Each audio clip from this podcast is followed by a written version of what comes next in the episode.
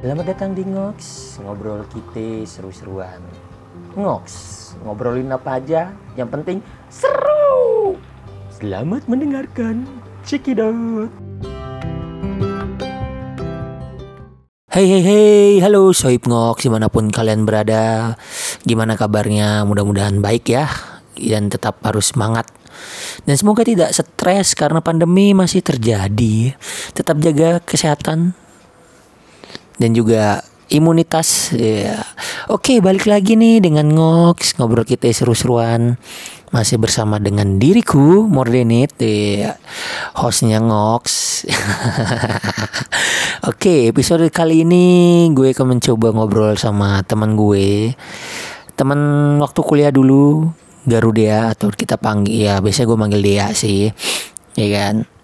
Jadi gue mau ngobrolin soal bangunan hijau atau bangunan ramah lingkungan.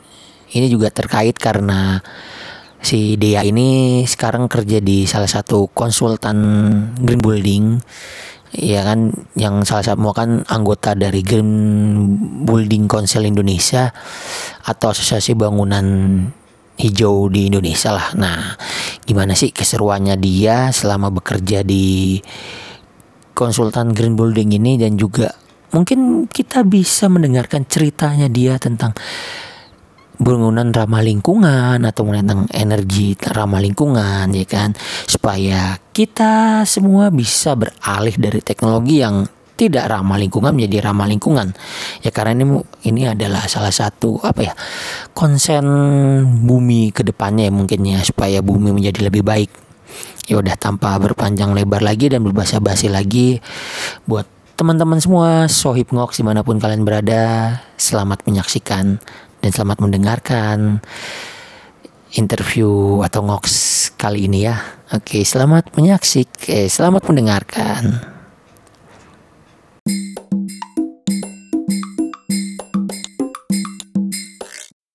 Halo, selamat malam Garuda. Selamat malam nih. Malam nih. Malam. Pepe kabarmu? Gimana kabarmu? Baik, sehat. Hmm, Puji Tuhan. puji Tuhan, Gimana ya. sehat kamu? Aku ya sehat juga deh, puji Tuhan. Ya sibuk apa ya saya? Syukurlah kalau gitu. Kerja Oh di kerja. biasa Hmm. Di di mana kerja? Kamu kerja di mana sekarang deh? Di Yodaya, Yodaya Hijau Besari kayak Hmm. perusahaan Apa tuh? green building gitu nih, Oh green konsultan building. green building. Wih gila, sangar apik ya. Haha. Ki piye ceritane kok iso ning kono? Deh. Gimana ya? Ceritanya tuh berawal dari ini sih, dari waktu um, ambil S2 kemarin. Kebetulan tesisnya itu berkaitan sama bangunan hijau. Terus Hmm. Eh, ya jadi dikenalin lah sama yang punya perusahaan ini Heeh. kayak minta ini loh apa sih minta data-data gitu kan Heeh. terkait sama green building nah terus waktu kemarin lulus ya Mhm. udah hubungin ke ini perusahaan itu pas lagi buka lowongan nggak ternyata buka ya udah langsung suka gitu Hmm. Oh, lah, gue S2-nya bukannya sipil ya? Sipil juga kan? Sipil dan lingkungan karena kan ngambil dua ya apa Hmm. Lo ngambil konsentrasinya satu, apa? yang di UGM itu teknik sipil Heeh. tapi emang namanya dia sebenarnya teknik sipil dan lingkungan cuma lebih fokus ke sipil struktur cuma terus Oh. kan ini dapat beasiswa em, apa namanya double degree di Jepang nah Uh-huh. itu dia yang bagian lingkungannya jadi di situ malah ngebahas banyak tentang green building Oh, Gitu. oh gitu. Gue maksudnya green building itu gimana sih deh?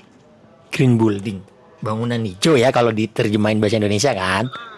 Nah iya itu iya tapi kalau di sipil itu green building tuh- apanya? Hah? gimana Iya gimana? Coba bisa dijelasin gak sih? Maksudnya piye toh? Ah. Maksudnya gimana gitu green building gitu? green building itu kan orang pada tahunya mungkin kayak oh bangunan hijau berarti harus yang banyak tanamannya kayak gitu Ah, kan ah. tapi sebenarnya enggak juga kalau mau googling ya sebenarnya itu banyak banyak perusahaan yang nggak selalu warna hijau lah nggak selalu yang terlihat banyak tanamannya tanamannya gitu. gitu Ah. cuma mereka penghematan energi gitu loh nih apa namanya ya Oh. dari em, airnya mereka Hmm. menghemat air bangunan yang menghemat air gitu penghematan energi juga kayak gitu gitu loh terus ada juga yang pakai solar panel kayak gitu Hmm. jadi lebih ke memanfaatkan bangunan itu mana caranya supaya hemat lah jadi nggak uh, larinya tuh nanti bakal ini ya uh, mengurangi apa sih namanya tuh? Polusi. Uh, mengurangi ini loh. Hmm, kayak gitu. Ya kayak mengurangi efek rumah kaca ngono lah ya. Ya benar efek rumah kaca. Mm. kayak gitu. Hmm.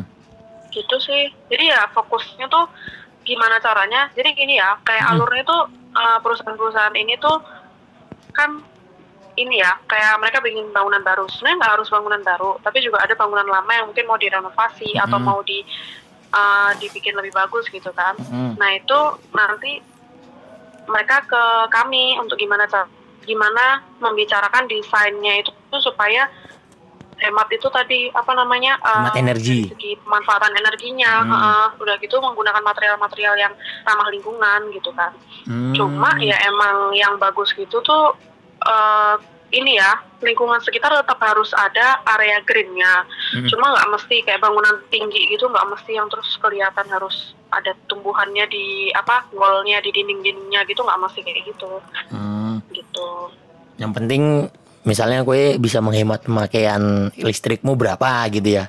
Misalnya sebelumnya berapa berapa watt terus bisa turun. Pemakaian airnya. Oh, itu emang sebelumnya tuh kamu tuh emang tertarik di situ atau karena nggak sengaja aja gitu deh. Karena kuliah beasiswa ke Jepang ya kan.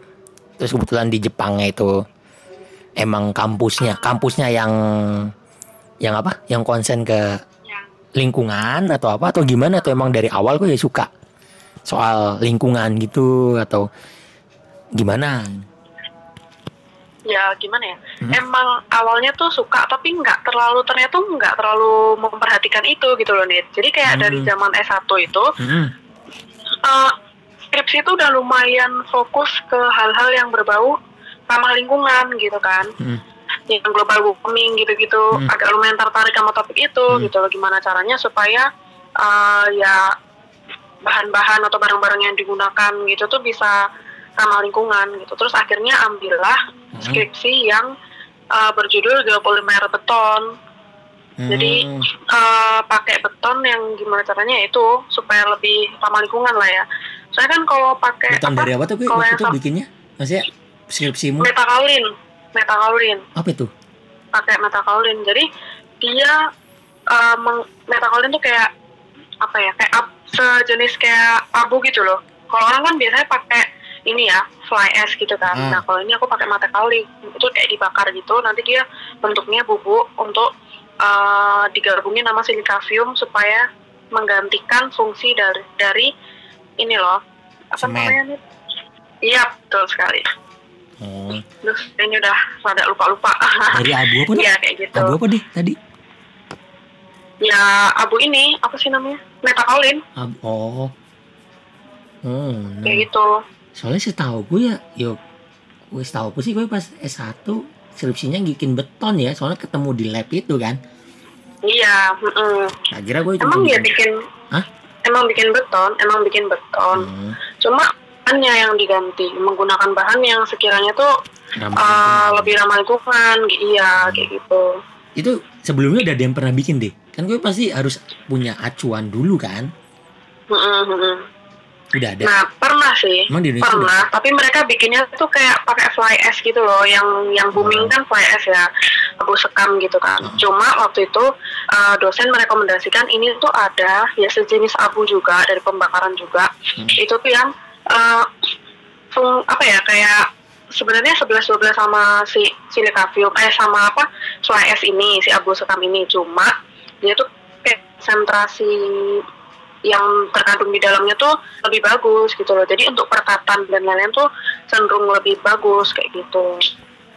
Hmm, Cuma ya waktu itu, waktu itu emang sih karena apa ya pen- pencampurannya emang kurang tepat ya. Soalnya kan pakai ini juga bahan-bahan kimia juga NaCl kayak gitu Mm. kan. Nah itu karena memang ya karena sebelumnya mungkin belum ada yang pakai ya. Mereka kan rata-rata tetap pakai semen, cuma eh, kayak lebih dikit gitu loh mm-mm. lebih dikit jumlahnya terus kayak digabungkan gitu kan. Nah, aku tuh Hmm. bener-bener yang nggak pakai semen sama sekali. Emang fungsinya ingin menggantikan semen itu gitu. Jadi masih ya bisa dibilang Nah itu hasilnya emang kurang bagus sih, emang nggak berhasil bisa dibilang kayak gitu. Cuma di situ akhirnya nemuin uh, kayak apa campuran yang lebih tepat gitu ya yang Oh. siapa tahu nanti selanjutnya itu bisa nyoba itu gitu Hmm. jadi sama aku sama dosenku itu udah buat lagi karena kemarin ini kan kurang tepat ya pencampurannya kami juga bisa dibilang masih baru mencoba kan Mm-mm. jadi ya emang kurang bagus lah gitu kurang kuat gitu kan nah cuma kemarin sempat gimana utak utik Mm-mm. akhirnya ya itu ada campurannya yang oh kayaknya ini bisa lebih bagus lah kayak gitu lebih dibanyakin di silikafiumnya sama eh, bahan kimianya kayak gitu Hmm. supaya lebih ngereket gitu karena kemarin tuh kebanyakan di ininya metakaulinnya harusnya dia tuh kan nggak terlalu banyak ya malahan Mm-mm. kami salah gitu jadi kami malah terkonsentrasi lebih ke metakaulinnya sedangkan silikafiumnya itu tuh jumlahnya cenderung sedikit gitu nah padahal lebih baik ternyata si silikafium itu yang menonjol yang lebih banyak kayak gitu Hmm, yes, menarik ya. Tapi tapi Iya udah, sih udah udah ada yang maksudnya udah ada yang produksi juga nggak sih deh kayak gitu deh di Indonesia ya bahan-bahan yang ramah lingkungan gitu. Soalnya nih ya, oh kalau menurut- kalau yang aku lihat sih belum ada deh. Soalnya kayak orang pak bikin beton ya tetap pakai cara konvensional. Pakai beton ya. Kan Iya. Bahan yang konvensional gitu. Kan sayang ya banget itu ya. sih Maksudku Heeh, kalau kita nggak mulai itu- gitu. Heeh. Ya itu sayangnya kayak kalau aku ngobrol sama teman-teman ya, mereka tuh masih belum terlalu concern gitu loh sama yang ramah lingkungan. Ini kan Hmm. baru kayak dua tahun ini gitu, baru dua tiga tahun ini eh, kayak bangunan-bangunan pemerintahan gitu kayak disyaratkan bahkan udah mulai keluar UU-nya kalau kalau bisa tuh menggunakan material yang ramah lingkungan. Kalau dulu bahkan ya waktu aku awal-awal meneliti tentang ini ya, Hmm. itu banyak banget dengar orang tuh kayak ngomong Ih apaan sih itu gitu kayak ih buat apa mahal ih gitu padahal kalau sebenarnya mau disadarin ya Hmm, Nit hmm, gitu hmm. mereka mungkin mahal di awal ya karena kan Hmm. bahannya kan ya nggak sembarangan gitu Mm-mm. tapi sebenarnya ketika ya kamu tahu sendiri lah ketika eh, listriknya lebih hemat otomatis untuk setiap tahunnya kan juga apa mengeluarkan lebih dikit Mm-mm. biaya kan Mm-mm, sebenarnya kayak benar, gitu jadi gitu kayak di awal mungkin kamu keluar agak sedikit lebih banyak gitu ya Mm-mm. tapi untuk pemanfaatan ke belakangnya lebih baik ramah lingkungan terus bahkan kadang tuh bangunan-bangunan didesain untuk nggak perlu pakai AC gitu kan malah Mm-mm. jadi lebih bagus kan sebenarnya gitu Mm-mm. itu yang masih kurang di apa ya kurang ditekankan mungkin Iya sih. ilmunya juga kurang banyak ya di Ah, ah, benar. orang kayak gitu gitu ya sih dan juga ya nggak tahu sih ya ya mungkin ya aku nggak tahu sih kalau kalau di arsitek kan emang mereka menggalakkan bangunan ramah Iya. energi ya ya kalau nggak Iya, ya kalau di sipil kan ya kita tuh ibaratnya kayak cuman ya owner bangun yang bangun apa kita ngikut. Jadi kayak kita tuh kurang memperhatikan soal lingkungan kayak gitu ya kan? Kayak kayak ya kayak contohnya pas di S1 ya aku nggak tahu sih kalau di S2 ya kalau di S1 kan teknik lingkungan ya kita juga cuman di cuman dasarnya doang dan kulitnya doang gitu. Harusnya kan ada lah kayak kalau aku sih kayak mikir kenapa kita nggak bikin konsentrasi studi juga satu ke teknik lingkungan gitu ya. Ya walaupun teknik lingkungan sendiri kan ada ya maksudnya mata kuliah maksudnya jurusan teknik lingkungan tuh ada ya di kampus. Ya mungkin tapi kan mungkin kayaknya kalau kita sebagai engineer nih ya harus tahu juga sih soal kayak gitu-gitu ya. Dia deh ya nggak sih deh Iya iya. Benar-benar Hmm. harusnya tahu sih. Soalnya apa ya kita kerjanya bareng gitu loh Nit iya. Nggak bisa kan kalau misalnya yang satu fokus ke wah maunya nih bikin yang ramah lingkungan satunya Hmm. eh, enggak gitu. Akhirnya berbentrokan gitu. Iya. kalau misalnya satu isi satu tujuan udah sama-sama tahu lah baiknya gimana Ah, kan jalannya lebih enak. Iya sih. Dan dan kan ya kayaknya ya menurutku sih profesi teknik sipil nih salah satu yang banyak apa ya menyebabkan kerusakan lingkungan gak sih? Nah itu. Iya Dari- itu dari sebenarnya yang ada ya bangunan tiba-tiba dibangun kan akhirnya harus nebang Iya. pohon atau Mm-mm. apalah ya kan? Ya kan membangun Iya. infrastruktur kan berarti kan menghilangkan apa yang udah ada ya. Nah nah terus pas gue di Jepang ya di Mm-mm. Jepang tuh kayak gimana sih deh maksudnya so ya nggak tahu sih mungkin di luar negeri tuh udah banyak kali yang konsen ke soal kayak gini-gini nih tentang Iya, soal lingkungan atau gimana. Nah pas gue ke Jepang emang itu kampusnya sipil ya? Atau emang kampus lingkungan atau kayak gimana sih?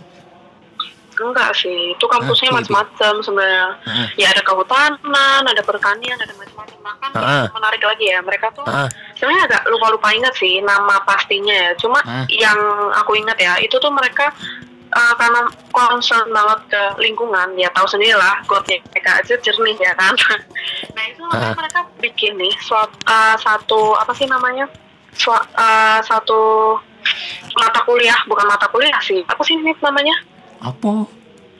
satu ini loh satu kok jadi lupa sih Disertasi.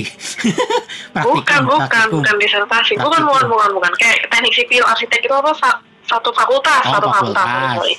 iya satu fakultas yang ini yang baru gitu yang Ah. lebih fokus ke tebak nih apa lingkungan juga dan apa coba tebak Apa? Ini energi terbarukan. kedokteran kedokteran Ah, mana ada kedokteran Keren, sama teknik sipil kok belajar kedokteran? ya itu jadi dia tuh fokus ke ini nih fokus Hah? ke uh, kedokteran jadi Hah? kesehatan lingkungan tapi Oh. lebih ke jadi ya kamu Kesehatan mempelajari masyarakat. kedokteran juga jadi masyarakatnya habis Hah? itu lingkungannya seperti apa gitu Ah, karena itu ternyata nyambung gitu loh nah nanti di sana mereka juga uh, membahas tentang kayak virus-virus kayak gitu virus-virus. Maksudnya kayak gimana tuh? Hubungan antara ya meneliti tentang virus-virus jadi kayak kayak gini nih virus. ya Nah, jadi gini, kemarin ini kenapa kok kayak GBCI Green Building Council Indonesia itu uh, lumayan menggalakkan green building Hmm? karena ini sih menurut penelitian ya, menurut penelitian ketika nanti itu uh, gunung es itu pada mencair, ya Hmm. biasalah kan ada gabungannya ya, Hmm. uh, global warming terus mencair. Nah itu tuh nantinya akan menyebabkan uh, virus-virusnya itu rilis gitu. Apa ya? Ya nantinya mencemarkan gitu ya, sama kayak sekarang gitu. Sekarang kayak corona gitu, itu tuh Ah. kayak bukan apa-apa gitu. Ah. Kemarin sempat ngikutin salah satu pendalaman materi gitu ya, kayak webinar gitu juga. Itu tuh mereka ngebahas gelombang si corona ini itu nggak ada apa-apanya karena nanti ketika misalnya kita tuh nggak concern sama yang namanya uh, bahan-bahan ramah lingkungan dan lain-lain yang Hmm. sekiranya mengurangi global warming itu, Hmm. itu tuh nanti ketika es itu mencair, ya Hmm. udah terlalu banyak virus-virus yang uh, dilepaskan seperti itu loh. Nah ini Hmm. fakultas ini Hmm. mempelajari juga dengan kesehatan. Otomatis kan virus-virus kan lebih ke kesehatan ya. Hmm. Dan nanti bagaimana lingkungan itu menanggapi itu gitu loh. Hmm. Jadi benar-benar digabungin nih kesehatan dan perilaku manusianya Hmm. dan juga tentang virus-virus dan lingkungan gitu. Sebenarnya nggak begitu tahu juga ya kayak dalamnya seperti apa karena ini kan baru tahu ya baru tahu luarnya nggak pernah Hmm. mengalami langsung. Cuma lumayan tertarik gitu karena kan Hmm. eh, lumayan seneng ya sama Ah. yang berbau kesehatan, ramah lingkungan gitu kan Ah. dan menurutku ini bagus gitu loh ketika dokter-dokter itu nggak hanya terfokus sama manusianya juga tapi juga terfokus sama kesehatan lingkungan jadi jangan cuma kesehatan orang doang gitu loh Iya sih. kayak Dan- gitu Dan itu sebenarnya sem- menurutku ya Hah? semuanya tuh semuanya tuh ada kaitannya gimana gimana? Tuh pada bilang kayak oh aku tuh paling apa ya kayak misalnya nih teknik sipil oh aku tuh yang paling pengaruh gitu. Karena kalau nggak ada aku eh, ini bangunan-bangunan nggak ada yang buat misal gitu. Atau misalnya si arsitek nih pada bilang ya nggak bisa gitu. Kalian bikin bisa bikin tapi kan nggak estetik gitu. Nggak ada aku nggak bisa gitu kan. Aku yang paling penting gitu. Ah. atau misalnya dokter nih Hmm. kalau misalnya nggak ada aku kalau kalian sakit gimana? gitu. Padahal Ah. semuanya tuh berkaitan Iya. gitu. Kayak kemarin aja ya waktu yang corona itu karena rumah sakit rumah sakit itu pada otomatis kan kita nggak pernah menyangka ya ah, corona ini akan berdampak sebegitu besar ya ah. rumah sakit kan sebisa mungkin harus steril dan lain-lain kan gitu Hmm. harus benar-benar bersih kan nah kemarin itu eh, salah satu or- orang di GBCI juga Hmm. kayak apa ya petingginya kayak gitu dia Hmm. juga buat suatu alat yang sebisa mungkin ketika dokter perawat atau pasien masuk itu tuh ruangan itu tuh benar-benar udah steril gitu loh bahkan si tempat duduknya apa kayak tempat tidurnya gitu Hmm. itu tuh punya alat tersendiri yang nanti ketika misalnya nih dia terpapar corona gitu Hmm. si orang ini masuk ke situ itu tuh otomatis eh, udaranya akan dibuang ke mana tuh diper- dipikirkan gitu loh Hmm. jadi akhirnya bangunan-bangunan ini direnovasi sedemikian rupa supaya yaitu bisa memberikan fasilitas yang terbaik buat orang-orang yang kena corona ini gitu loh. jadi ya Hmm. semuanya itu menurutku sih ya harusnya bersinergi lah Ya itu tadi. Iya benar harus benar-benar satu sama lain tuh karena sebenarnya ada keterikatan gitu loh. Iya. Bisa berdiri sendiri-sendiri kayak gitu. Hmm, wow, keren ya berarti ya maksudku. Ya nggak ak- ya nggak tahu sih mungkin di luar di dunia sana di negara lain sana mungkin udah ada banyak pemikiran kayak gitu ya. Kayaknya tuh harus mulai diterapin di sini dah. Itu udah mulai belum sih di Indonesia itu? Kayak gitu-gitu. Emang udah? Bahkan UU-nya juga udah keluar gitu. Maksudnya Hmm. UU udah mulai keluar di mana kita tuh mulai harus ini ya concern untuk hal-hal seperti itu gitu. Hmm, Kayak gitu. Cuma ya itu tadi masih Hmm. kan masih sendiri-sendiri ya. Masih Hmm. belum saling apa ya terkait bersinergi, sama bersinergi. Eh, terkait Hmm, lah. Kalau yang di Jepang, iya kalau yang di Jepang itu tuh bener-bener kayak mereka tuh menggabung-gabungkan gitu loh. Yang keren itu kok mereka bisa ya? Kayak berpikiran kayak kita kan kayak mikir ya nyambungnya apa coba? Kedokteran terus tiba-tiba nyampe ke virus gitu tiba-tiba nyampe ke engineering gitu loh. Jadi kayak kedokteran engineering gimana? Engineering kan rekayasa deh. iya. Cuma Merekayasa.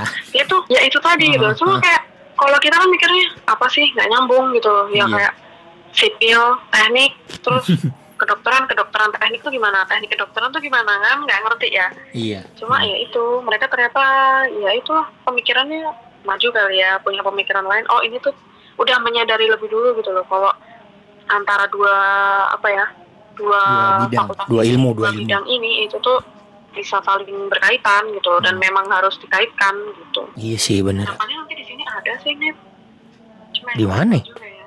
Emang di maksudnya ya. Iya maksudku emang di universitas mana yang udah mulai kayak gitu ya? Kayaknya belum ada deh dia. ya itu tadi Ehime Ehime University Enggak, maksudnya di di Indonesia di kampus mana yang udah mulai kayak gitu? kalau Indonesia nggak ada Kayaknya belum ada, kan? kan ya semoga Indonesia Indonesia ke depannya akan seperti itu gitu loh Kayak kalau iya kalau kita kan kayak masih konvensional gitu yang umum. Oh, oh. Ya, iya kayak sipil S2 pun paling ya lebih lebih fokusnya ke struktur, manajemen. Kayak gitu kan. cuma Hmm? sipil sekarang udah mulai lumayan sih ya itu kan yang kayak aku fakultasnya itu kan eh, ini kan sipil dan lingkungan mereka udah mulai lumayan sedikit demi sedikit materi itu tergabungkan gitu loh untuk Hmm. S2 ya kalau Hmm. S1 kan mungkin ya bener kata kamu tadi Belum, satu belum ada. Mm-mm. Bahkan ya bahkan di UGM ini Hmm. tau nggak sih yang jadi dosen pengujiku itu malah orang dari nuklir. Teknik nuklir. kayaknya mereka ah teknik nuklir gitu. Sebenarnya nggak ngerti juga sih. Cuma mereka ternyata juga mempelajari tentang green building. Bahkan waktu kemarin mempelajari tentang waktu kemarin sempat ada webinar terkait dengan salah satu software yang dikeluarkan gitu kan terkait Hmm. green building. Nah ini tuh malah si ibu yang uh, teknik nuklir ini itu Hmm. tuh malah yang bisa dibilang jadi ininya gitu loh jadi chairmannya gitu loh. Jadi orang yang bertanggung jawab untuk kegiatan tersebut gitu. Hmm. dan dia malah bicara banyak malah penelitian dia juga terkait dengan green building nggak tahu sih. Nantinya akan disambung-sambungkan juga atau enggak ya? Hmm. sebenarnya masih belum bisa lihat juga sambungannya. Atau mungkin kamu udah tahu nih sambungannya kira-kira apa nih Maksudnya kamu Nggak tahu apa ya? Kesehatan lingkungan nggak tahu kan ya Apa ya? Paling mungkin kalau. Oh, kalau aku tahu bangin kalau kesehatan lingkungan mungkin tentang limbahnya kali ya. Limbah dari nuklir itu kan bisa jadi kan. Soalnya kan soalnya kemarin tuh aku deng ngeliat berita kan di Jepang di reaktor nuklirnya Jepang kan itu mau dibuang ke laut tuh limbahnya. Nah itu kan juga masih agak rancu kan. Ya boleh kan harusnya kan. Apalagi laut loh. Laut kan ada kayak ikan, terus ada biota-biota yang lainnya kan yang bisa ya kalau ikan kan bisa kita makan atau cumi-cumi udang itu kan juga bahaya kan misal kalau terkena Iya. radiasinya dari nuklir ke manusia. pengaruh ke kita juga Heeh. Nah mu- mungkin mungkin mungkin ke depannya ada gitu kali ya. cara gimana ngebuang limbah yang baik, yang yang Ya, yang meminimalkan dampaknya kepada lingkungan. Ya walaupun nggak bisa 100% berdampak baik ke lingkungan pasti kan ada ya walaupun ya walaupun kita udah mencoba untuk green building pasti adalah yang tidak baiknya juga ya kan eh terus soal green building lagi itu tuh yang gue pelajarin tuh tentang bangunannya itu atau kayak misalnya ada membuat suatu kawasan konsep kawasan yang disebut dengan green green zone atau apa gitu nggak sih deh dua-duanya nih gitu. Oh, gitu. jadi kayak gimana tuh kan sekarang ini kan ada banyak sertifikasi ya sebenarnya. Jadi Ah. mereka datang ke kita mau pengajuan sertifikasi gitu kan. Ah. Sebenarnya ada macam-macam sertifikasi. Ada sertifikasi yang memang dia tuh fokusnya ke bangunannya gitu. Karena mungkin emang yang mau di uh, sertifikasiin tuh cuma bangunan doang gitu. Tapi Hmm. ada juga yang sertifikasiin kawasan. Jadi kayak kalau di Jakarta mungkin kayak kawasan-kawasan ya tahu sendiri lah nggak usah sebut merek ya. Hmm. Maksudnya kawasan-kawasan gede gitu. Mereka yang emang perumahan-perumahan gitu. SCBD? Macem-macem ya SCBD kayak gitu-gitu Hmm. Terus terus? ya mungkin ya itulah itu akhirnya mereka mensertifikasikan itu gitu. jadi dari segi rumahnya apakah dia tuh termasuk yang green building atau enggak Hmm. kemudian dari segi kawasannya apakah dia tuh eh, pantas untuk dibilang sebagai green neighborhood atau enggak gitu loh Ah. kawasan yang ramah lingkungan atau tidak seperti Ah. itu Terus- jadi ya dua-duanya Hmm. Dan kalau kalau kawasan ramah lingkungan tuh gimana tuh yang dimaksud? Apakah harus ada ruang terbuka hijaunya berapa persen? Setauku Mm-mm. 30 persen ya minimal lah dari luas wilayah ya nggak sih kalau di undang-undangnya? Iya dulu sih 30 persen ya, cuma Sekarang sekarang lebih memfokuskan ke 4 persen. Oh, oh, udah naik. Iya. Hmm, oh berarti 40%. Jakarta nggak nggak layak dong. ya itu makanya mungkin sekarang lagi banyak ini ya, banyak apa sih namanya pembaharuan ya, Hmm. pada mulai fokus ke ini green building itu, Hmm. ngerombak-kerombak lingkungan-lingkungannya itu, Hmm. gitu. Terus, Gitu terus sih. pengalaman serumu apa lagi tuh yang maksudnya yang pas berkecimpung di dunia green? Kan masih kue baru kan maksudnya di Iya kuliahan juga nggak sebenarnya. pernah belajar kayak gitu terus tiba-tiba kerja di apa konsultan yang fokus ke green building kayak belajar dari Hmm. awal lagi nggak sih di? Dari awal sih bisa Iya. diulangi ya. Soalnya benar-benar nggak tahu gitu, benar-benar nggak megang, ya megang sih yang sipil-sipil gitu. Tapi kan sekarang kan lebih ke eh, perhitungan kayak udara di luar seperti apalah kayak gitu-gitu kan. Oh Terus ini ya waktu menggunakan teknik ya material-material. Gimana gimana? yang praktikum rumah sehat itu nggak sih? Iya iya kayak gitu. Oh. Jadi ya belajar lagi semuanya Hmm. gitu. Eh, Ya kalau, emang kalau jalan gitu Hmm? Ada nggak sih di yang green buildingnya maksudnya membuat jalan, Jalan. konsep ah, konsep jalan green building nggak sebenarnya mau lebih ke ke ini ya ke apa ya material yang digunakan ya jadi gini Hmm, kalau hmm. misalnya materialnya itu warnanya terang itu tuh uh, penyerapannya lebih bagus gitu loh jadi Hmm? bagus untuk ini bisa dibilang sebagai salah satu syarat di green building juga ada kayak misalnya atap gitu. Ya kalau bisa atapnya itu yang warnanya terang atau putih tembok warnanya putih jangan yang gelap-gelap gitu. Emang bahkan di luar negeri ada tuh kemarin ya Hmm, yang hmm. jalannya dicat warna putih. Oh gitu? Iya. Emang dicat warna putih. apa ke warna terang? Uh, albedonya, nilai albedonya. apa itu? Albedo apa Mm-mm, itu apa sih namanya penyerapan radiasi panas, penyerapan panasnya gitu loh. oh dia lebih Ya kayak sedikit misalnya rumah gitu, Hah? misalnya rumah gitu ya. Kalau Hah? misalnya dia nilai albedonya baik gitu kan dia kan cenderung uh, kondisi dalam rumah itu nyaman ya. Nah kalau Hmm. untuk jalan itu, itu kan nanti bagus ketika ini nggak menimbulkan glo- global warming lagi gitu loh. Hmm, Karena kalau semakin panas ya, kayak Hmm. misalnya saat kemarin tuh tesisnya terkait dengan suatu kawasan kecil juga ya. Jadi Hmm. kayak ngebuat rumah-rumah gitu dengan jarak-jarak tertentu Hmm. kira-kira seperti apa kayak gitu. Nah, itu jalan itu kalau Hmm. apa eh, kalau misalnya dia eh, menggunakan material yang eh, tertentu ya kayak misalnya beton atau apa gitu, Hmm. dia itu cenderung kan panas ya. Hmm. Nah, itu udah dari rumah itu dari tembok sendiri itu kan udah mantulin panas ya. Tapi di antara rumah satu dan rumah lainnya itu menyebabkan panas lagi gitu loh lebih panas lagi gitu. Tapi kalau misalnya dengan jarak yang pas nih jarak antar rumah yang pas gitu kan terus material yang bagus gitu. Nah biasanya Hmm. mereka juga main warna ya main warna. Biasanya kalau jalan kalau jalan kan mungkin kita belum umum ya warna putih ya gitu kan. Cuma lebih ke bangunannya kalau bangunannya warna putih kayak gitu tuh dia akan lebih membantu supaya area rumah itu tuh lebih dingin kayak gitu. Oh. Kan fokusnya kan sebenarnya ke itu ya eh biar apa sih cuaca iklim kayak gitu tuh. Karena sekarang coba deh misalnya musim harusnya musim hujan dia masih aja panas kayak gitu gitu kan. Udah mulai nggak Ah. beraturan gitu loh. Nah. Nah kita mulai untuk mengembalikan itu seperti pada umumnya gitu loh. Hmm, ya dengan cara jangan bikin tambah panas kan kayak gitu. Hmm. Kalau bisa ya Hmm. kita tetap udara di sekitar baik Hmm. udara di dalam ruangan maupun Hmm. di luar ruangan itu tetap dingin tetap bagus gitu jadi nggak menimbulkan efek-efek panas tadi itu Oh gitu. Lah kalau pengaruhnya sama dengan banyak kaca kan katanya juga menghemat pencahayaan tuh ya. Itu bener deh atau maksudnya gimana kan kan katanya kan green building juga bangunan green building itu juga identiknya dengan yang banyak kacanya tuh supaya kalau bisa kan nggak perlu lampu lagi pas siang hari atau ya ah itu juga kayak gitu bener konsepnya. Eh, sebenarnya gini ya itu tuh ada nilainya kayak nilai OTTV namanya kan OTTV Nilai apa? itu. nilai OTTV apa apa OTTV bangunan. Jadi itu tuh nggak boleh lebih eh, overall thermal transfer value oh jadi itu tuh Hah? ya untuk menghitung apa namanya nilai OTTV itu tuh nggak boleh lebih dari 35% gitu loh jadi ya kalau bisa semuanya tuh pas gitu kan kalau bisa ya eh, jangan gini ya kalau misalnya kaca kalau Hah? misalnya dia radiasi masuk itu kan kalau kaca semua ya tetap panas juga kan dalamnya Ah, gitu ah. kalau siang kayak Ah, gitu kan bener, bener. nah makanya caranya adalah tetap seimbang antara si kaca itu dengan tembok. Kalaupun misalnya mau kaca semua ya, itu ada yang namanya shading gitu loh. Jadi nanti dengan adanya shading itu otomatis kan eh, dari di dalam kita tetap terasa Dingin, ya, sejuk, jadi kita ah. nggak bisa penghematan apa lampu ya. Hmm. Tapi kan dari luar juga kan itu sebenarnya si radiasi itu terpantulkan kembali. Jadi nggak benar-benar langsung radiasi itu masuk 100% ke dalam bangunan gitu loh Hmm. itu jadi ya itu sebisa mungkin harus balance.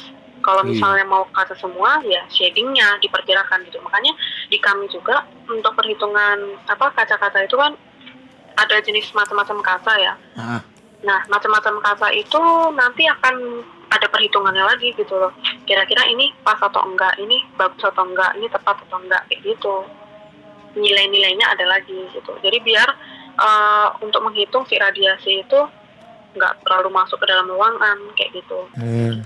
karena kan percuma ya Hmm. misalnya sekarang gini misalnya radiasinya masuk gitu terus Hmm. panas gitu ujung-ujungnya kita nggak pakai lampu tapi kita pakai AC kan kayak gitu Iya. ya kan jadi Iya, kan nggak hemat sebisa energi mungkin juga. ya mm-mm, sama aja ya cuma ya memang sih sekarang macam-macam tuh udah mulai banyak sih kayak eh, water fixer itu kan udah mulai ada yang ada labelnya ramah lingkungan kayak gitu. Ah. terus kayak AC juga udah mulai yang ada ramah lingkungan. Untuk perhitungannya ya jangan tanya ya nih karena emang nggak mempelajari sampai si alat itu gitu kan. Cuma ya itu alat-alat itu ba- baik untuk menunjang si eh, bangunan memenuhi ramah lingkungan kayak gitu. Jadi Hmm. kami sering sih kayak nawarin ke klien gitu gimana kalau pakai alat-alat ini? gitu kayak gitu gitu sih ini Hmm, oh gitu. Eh kalau rumah pribadi di Indonesia udah banyak nggak sih deh yang bikin konsep ramah lingkungan kayak gitu? Hmm, nggak juga sih kalau yang aku tahu ya cuma Hmm. beberapa perumahan sih sekarang udah lumayan concern ya perumahan-perumahan baru ini udah lumayan yang memperhitungkan oh uh, harus ada apa namanya area hijau kayak gitu Hmm. misalnya di dalam gitu nggak boleh 100% bangunan kan kayak gitu Hmm. terus untuk sekitarnya juga untuk lingkungannya seperti itu juga untuk lampu LED kayak gitu gitu kan. Terus untuk itu tadi apa kayak keran air dan lain-lain yang ramah lingkungan. Udah mulai memper apa ya mempertimbangkan hal-hal yang seperti itu. Cuma Jadi, rumah-rumah lama ya mungkin enggak ya gitu ya. Kalau rumah lama mau dirubah ke mana? Ke konsep yang ramah lingkungan? Mahal nggak sih deh kira-kira deh? ya mahal sih sebenarnya. Ya lumayan mahal juga sih gitu. Karena alat-alatnya kan kayak lampu deh kita ganti LED kayak gitu-gitu. Ya Hmm. lumayan mahal. Tapi bisa juga sih sebenarnya parsial gitu loh. Nggak harus Hmm. semuanya kayak kamu ganti semua gitu.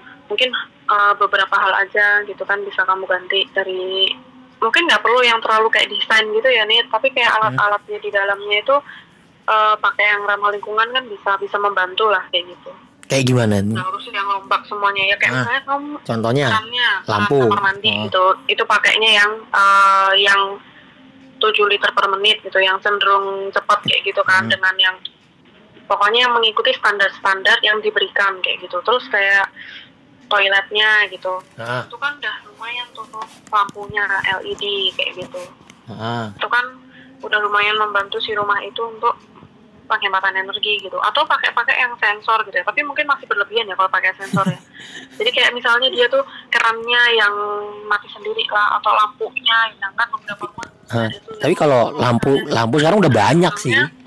mati hmm? Kalau lampu sekarang yang pakai sensor gitu udah lumayan banyak sih maksudnya di minimarket. Iya udah Ya kayak Indomaret Alfa gitu juga ada kamar mandinya ah, udah pakai atau Nah, kantor-kantor. kayak gitu kan ya. Hmm. Ya kalau untuk rumah pribadi mungkin bisa disetting yang kayak gitu. Jadi kadang kan lupanya kita ya, kalau misalnya nyalain air suka lupa matiin kayak gitu kan, nyalain lampu suka lupa matiin gitu.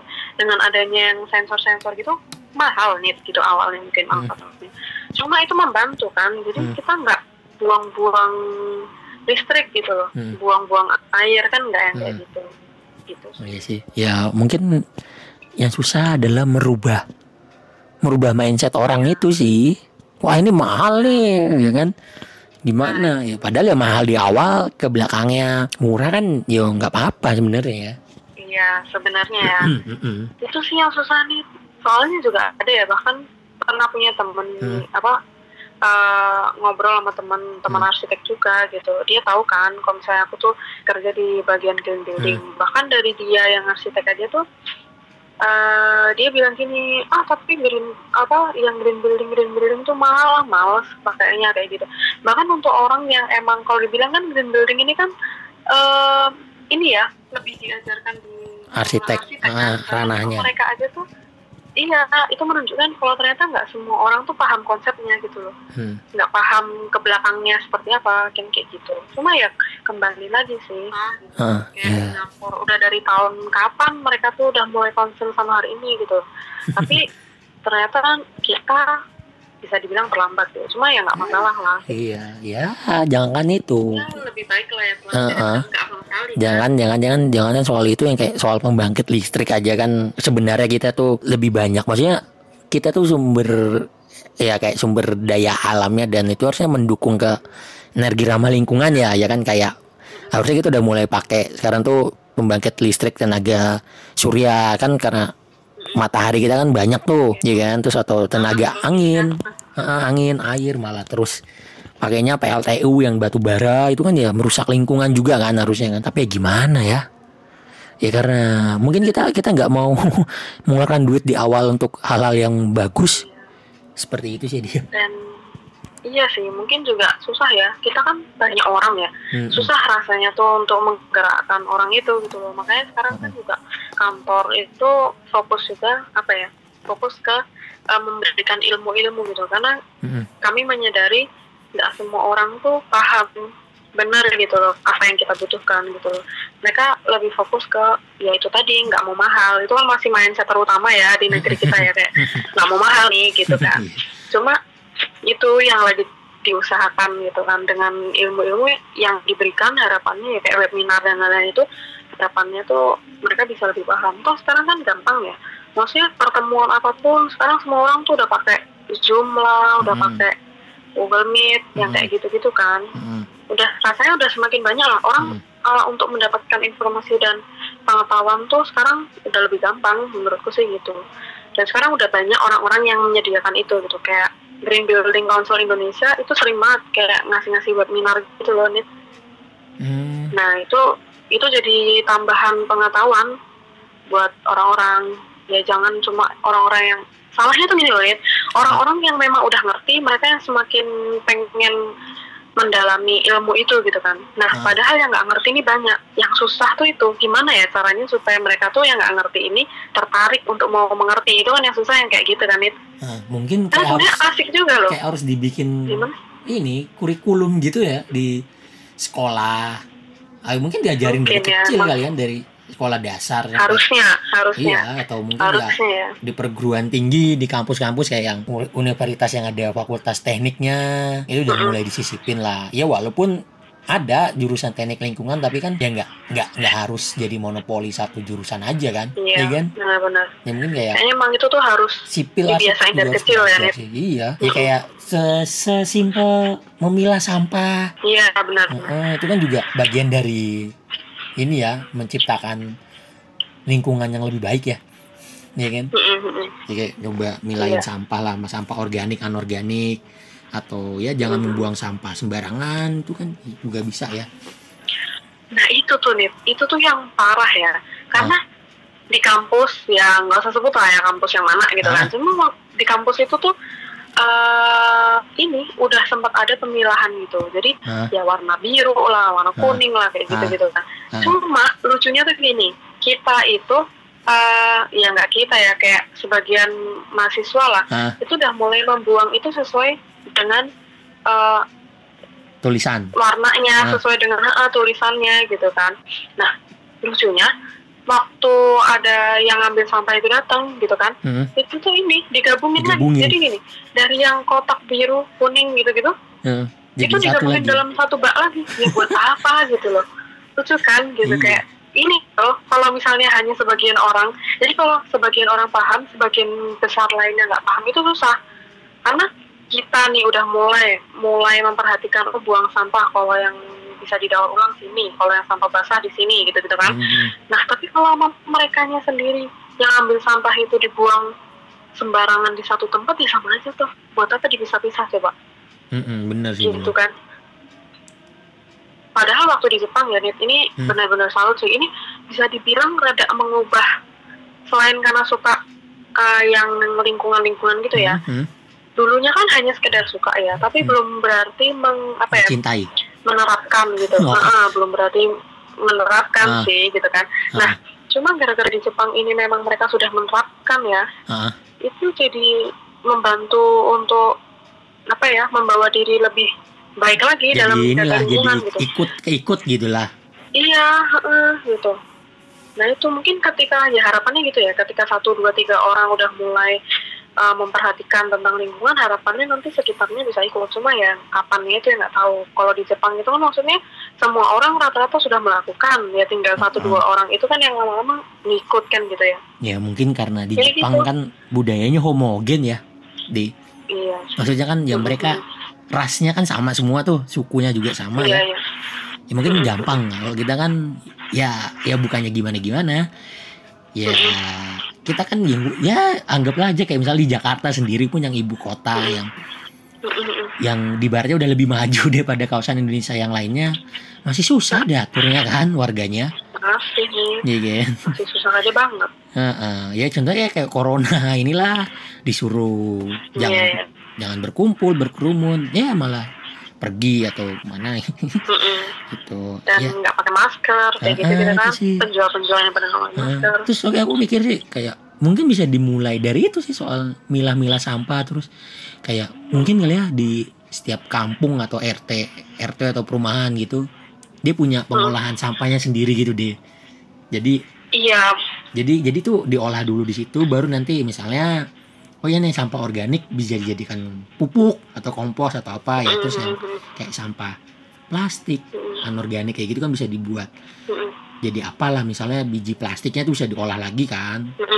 Atau di misalnya kayak plastik Iya. plastik plastik plastik deterjen atau yang lainnya kayak gitu gitu bisa diubah. Kan juga banyak kan yang bikin kayak tas atau apa gitu dari limbah.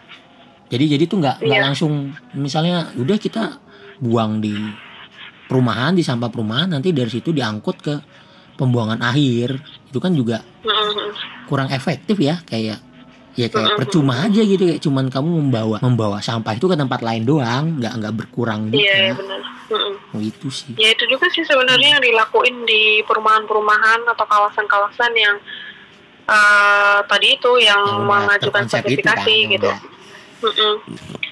Jadi kami emang udah kayak minta kan sama mereka. Jadi eh, ketika mau sertifikasi kami minta ke mereka gimana nih jalannya si sampah-sampah ini akan dibuang ke mana kayak gitu tuh Hmm. harus jelas gitu di awal gitu. Oh ternyata eh, semua sampah itu nanti di depan udah ada tuh tiga kotak atau gimana gitu kan.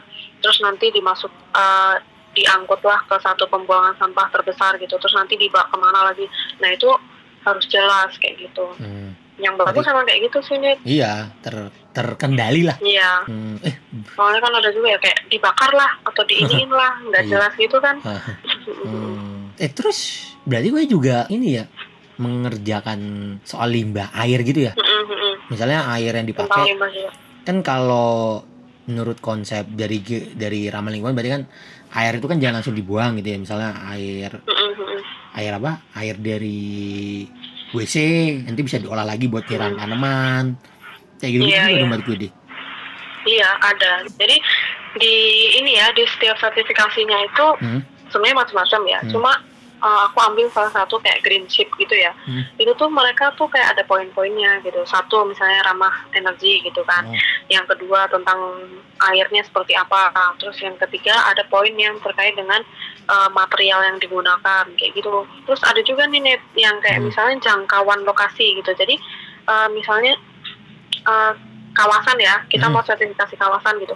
Itu kira-kira efektif nggak sih gitu? Hmm. Kayak di dekat situ nanti ada uh, restoran terdekat nggak, ada rumah sakit nggak, ada fasilitas-fasilitas yang penting nggak gitu Hmm. loh untuk supaya terjangkau semuanya kayak gitu. Jadi sebenarnya Apanya building Terjangkau itu, apanya maksudnya? kawasan itu ya kayak gitu. Apa? Maksudnya terjangkau oleh penduduk perumahan itu. Iya untuk Oh. mm, untuk orang-orangnya gitu kayak misalnya dalam situ udah ada eh, apa sih pemberhentian bus belum Hmm. gitu.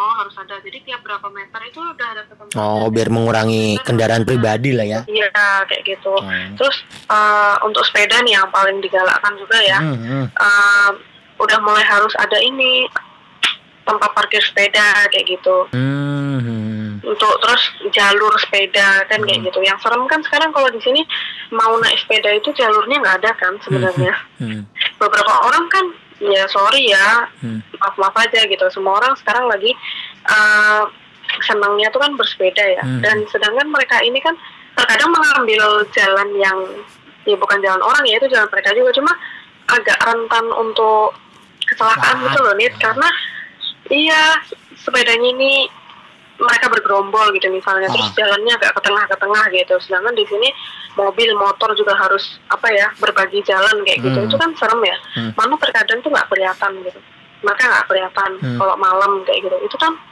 agak menakutkan ya Hmm, kayak hmm. gitu nah jadi uh, mensiasatinya tuh ya karena udah mulai banyak juga pesepeda dan emang yang yang bagus itu kan yang bagus itu kan ketika menggunakan sepeda itu diberi uh, dibuatkan jalan jalan sendiri untuk mereka kan kayak gitu. Hmm, itu Hmm. ada ada poin-poin tersendiri yang memang membahas tentang itu. Hmm, kayak gitu sih nih hmm. Eh, berarti di perusahaan itu nggak cuman apa ya isinya sipil arsitek doang dong ya berarti deh dari divisi nggak sama sih. maksudnya bidang bidang ilmu yang lain juga ada ya ada fisika bangunan, ada fisika bangunan. Kalau sekarang sih yang banyak tuh ya sipil, arsitek sama fisika bangunan itu sih kalau di kantor. fisika bangunan Nah, kan ya, fisika iya, Hmm. fisika ya itu sebenarnya tuh juga baru tahu loh kalau ada itu. iya Mohon maaf ya, cuma temen tuh iya temen tuh ada yang bener-bener nggak tahu sih ya ini sebenarnya teknik fisika atau gimana. Cuma emang setiap ditanya kamu apa gitu fisika bangunan ya udah dia bilangnya fisika bangunan gitu. Hmm. lah kuliahnya maksudnya Jadi jurusan di- apa dulu Ya fisika bangunan dia bilangnya. Hmm, emang ada ya Ya nyatanya dia bilang gitu gitu kan. Hmm. Cuma ya itu kayak misalnya waktu eh untuk mempelajari OTTV itu tadi yang Oh. thermal itu kan, oh ternyata mereka mempelajari itu, mereka mempelajari itu dan mereka mm-mm, mem- mereka mempelajari tentang lingkungan juga gitu loh. hmm. Ya namanya juga fisika bangunan ya. Ini maksud gue di, ka- di kampus mana yang ada jurusan itu di UI Aduh, UI ada ya apa ITB enggak tuh dia bukan UI, ITB kurang tahu ya, nggak ngerti juga dia tuh. hmm. Agak lupa sih, Hmm. cuma di Jakarta. Hmm. Karena bener-bener so- ya itu baru baru tahu juga fisika bangunan gitu. Iya, gue juga baru tahu. Kalau kita kan ada fisika dasar ya dulu ya, belajar fisika dasar ya. Iya, iya. Itu yang hal yang aku paling gak suka deh. Iya, nggak suka banget, bener-bener nggak suka banget sebenarnya fisika, tapi malah masuk situ. dapat C jadi tidak usah mengulang lagi lah. Oh iya berarti ya berarti sebenarnya nggak cuman apa ya eh, apa lingkungan itu nggak cuman satu bidang atau disiplin ilmu aja ya. Berarti mm, semua orang yang berbagai ilmu ini harus mempelajari sih dia kan soal demi kelangsungan hidup ya. iya, iya. Jadi nggak cuman monopolinya anak arsitek doang nih kan biasanya yang ketahu kan biasanya itu wah cuman arsitek doang nih yang harusnya mempelajari itu. Sebenarnya kita juga bisa kan orang sipil juga harus tahu itu. Iya kan ya. Ya emang harusnya gitu sih. Paling nggak pas ngurus AMDAL ngerti lah ya kan. Mm, mm. Ya gitu-gitu sih. Hmm. Oh ya udah. Oh, fisika bangunan tuh teknik fisika sih net sebenarnya. Iya kan, teknik fisika maksudku. Iya, teknik fisika. Mungkin Cuma bagian- mungkin dia ini kali ya, mungkin ngambil ngambil fokusnya di yang Konsentrasinya fisika bangunan. Mm-mm, di bangunan ya. Ah, Tapi ya itu, ternyata dia memang masuknya ke teknik fisika sih. Iya. Oke, mungkin kayaknya sampai sini dulu kali deh ya. Iya. Cita-citanya biar nggak deh, terlalu lama juga nih ya kan.